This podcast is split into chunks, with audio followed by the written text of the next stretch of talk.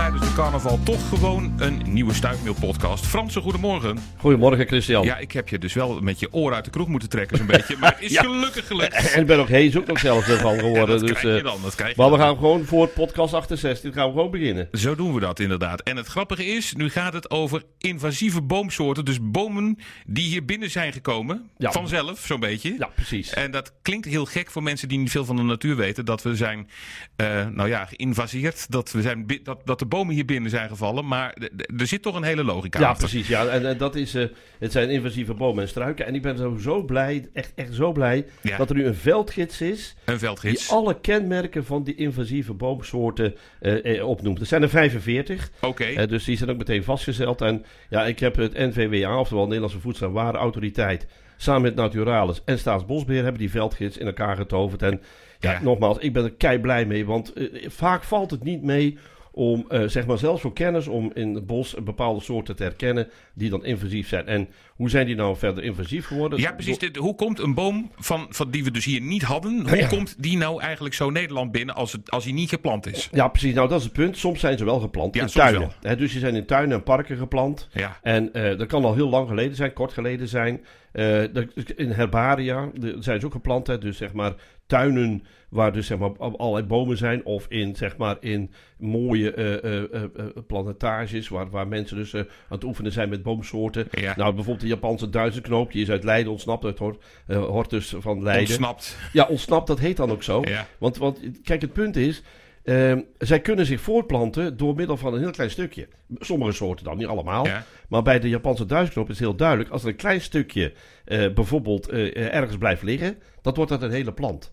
En eh, daarom waarschuwen wij ook steeds vaker gemeentes als ze gaan maaien in bepaalde stroken waar dus een invasieve soort staat die ook nog eens een keer zowel economisch eh, eh, eh, het schade kan berokkenen als zeg maar ecologisch. Ja. Ehm, als je het dan gaat maaien, bij wijze van spreken, eh, omdat je ze weg wilt hebben, dat, dat is dan een van de, de, de- ja, de, de manieren om ze weg te krijgen.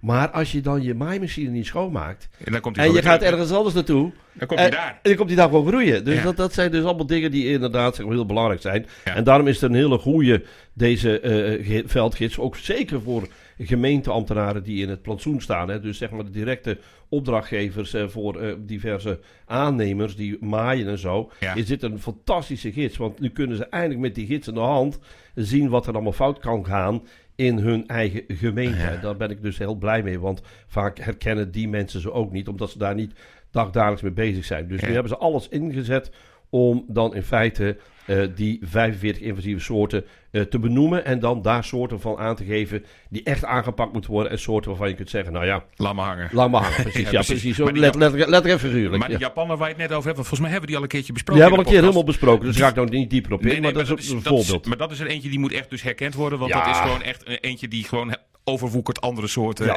En dat gaat niet goed. Nee, absoluut. Als je, als je bijvoorbeeld van Tilburg naar, heel, naar Reuzel toe rijdt, nou, joh, en, en daar langs het landgoed Utrecht te staan, helemaal vol met die soort. En het gaat alleen maar door. Er zijn al zoveel eh, zeg maar, maatregelen genomen en toch blijft die keihard doorgaan. Het gaat maar een- door. Een soort die, die, die bijna niet, te- te- ja, die bijna niet in, in te togen is. Dus, Nee. nou, ehm, wat ook fijn is, is dat ze, hè, dan roepen de experts van, nou kunnen ook gewoon natuurliefhebbers meedoen. Dus mensen die gewoon lekker wandelen, kunnen dat gidsje ook op een telefoon opladen. Ik heb hem ook op mijn telefoon staan. Want dat is misschien even belangrijk. Hoe kom je eraan?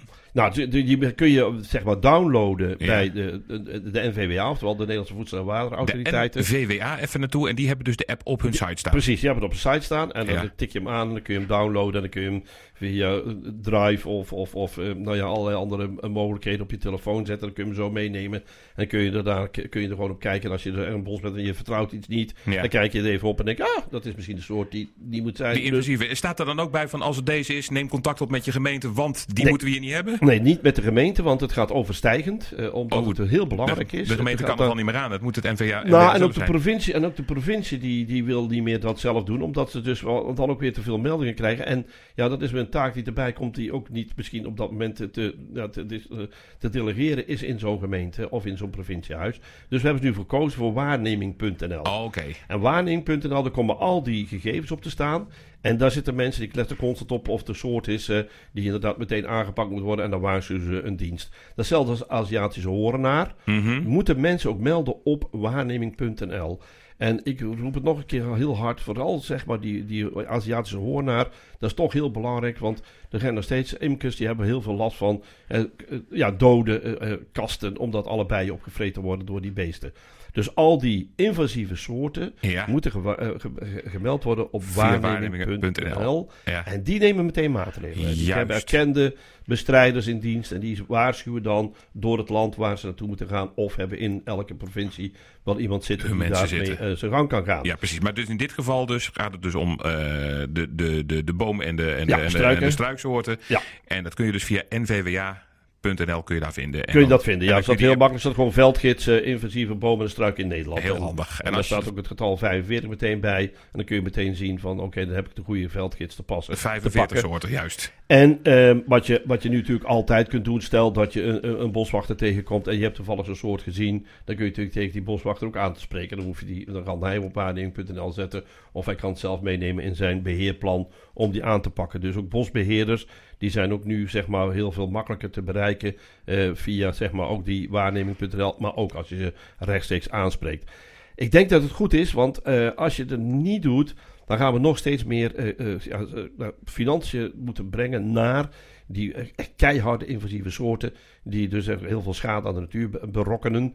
Want de biodiversiteit gaat er achteruit. Ja. Eh, ehm, daarnaast krijg je dus zeg maar niet alleen maar de biodiversiteit van, van, van planten die er op die plek moeten groeien. eh, die verdwijnen gewoon, want die worden overwoekerd. Mhm. Maar je moet dus ook bedenken dat het ook betekent, en daarom heet het ook biodiversiteit, dat heel veel insecten er niet meer terecht kunnen. Want er zijn sommige insecten die zijn echt gebonden aan bepaalde plantensoorten. En die kennen die vreemde plant dus niet. Maar dat is met vogels zo. Hè? Dus invasieve soorten als bijvoorbeeld een soort die naar binnen is gekomen en die er al heel lang is, is eigenlijk invasief, maar Hmm. wordt getolereerd omdat het zo'n mooi stukje, eh, struikje is. Dat is de buxus. Oh, de Buxus is ook, al niet, in de- is ook de- niet van ons eigenlijk. Eigenlijk origineel niet. Nee. Die is dus ook Nederland binnengekomen in de, in de 18e eeuw. Om de mooie kruidentuintjes af te bakenen met zo'n ja. Ja. zo'n dingen. En ja, een palmtakje werd gemaakt van buxus. Dus in de katholieke zuiden Mm. werd heel veel buxus weggezet. Om dus palm eh, te zegenen met een palmtakje. Ja, Ja. dus die, daar hoorde er ook in feite bij. Maar eh, die is dus niet zo eh, schadelijk.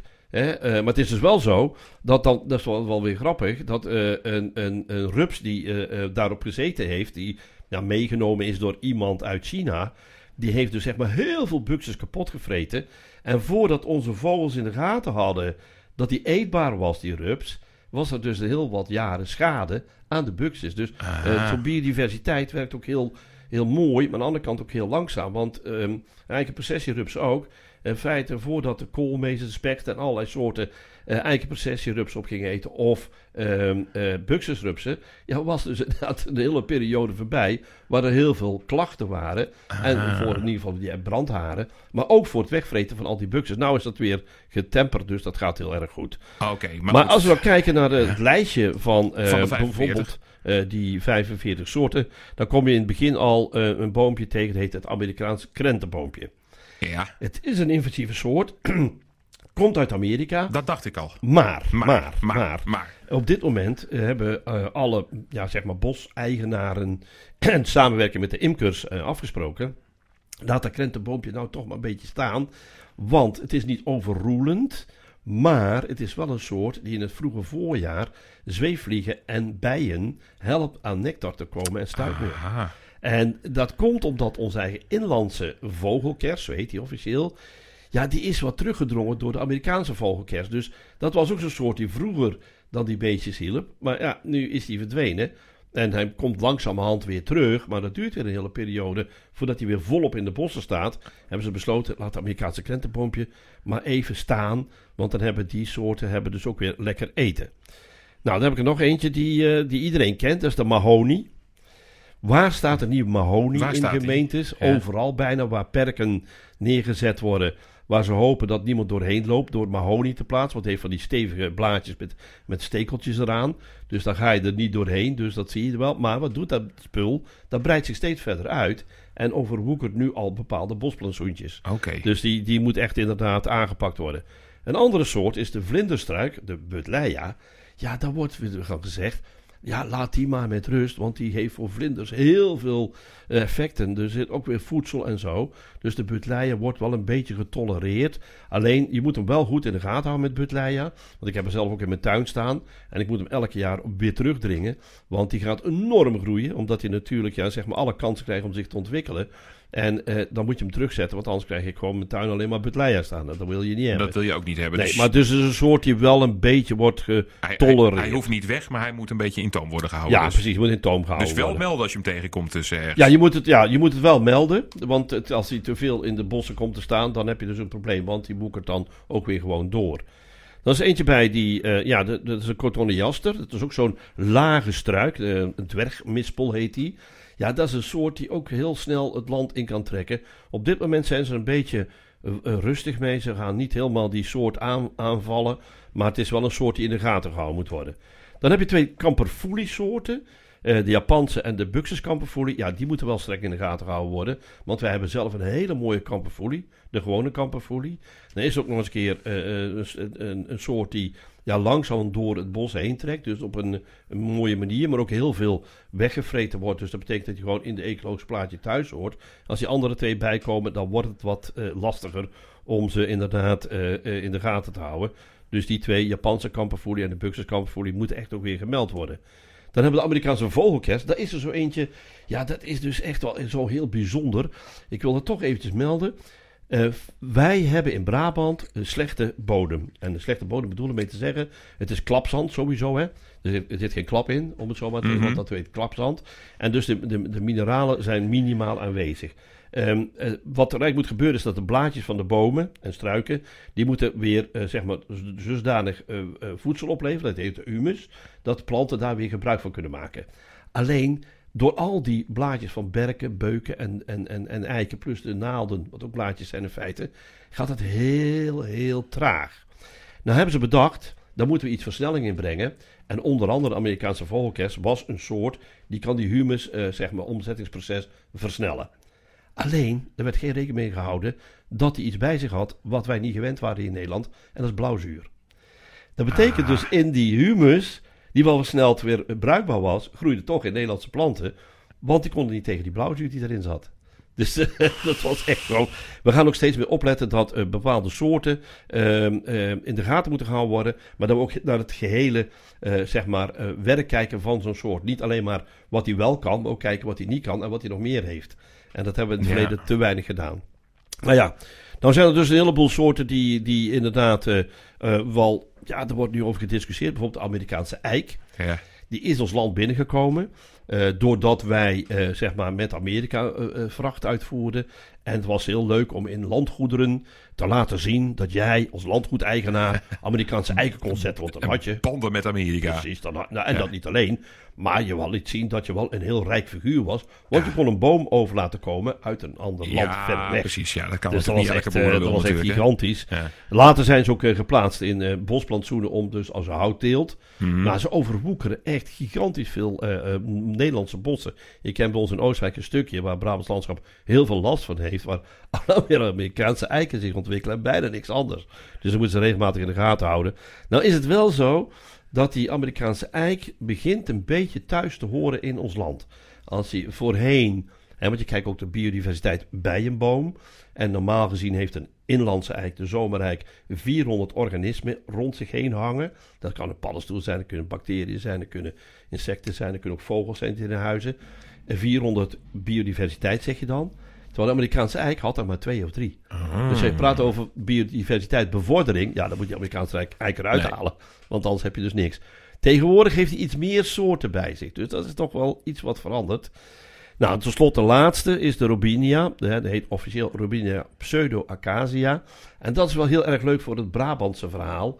En eh, als je dus naar die arme keuterboertjes keek, die hadden, eh, nou goed, de rijken hadden het ook wel een beetje, maar iets in mindere vorm.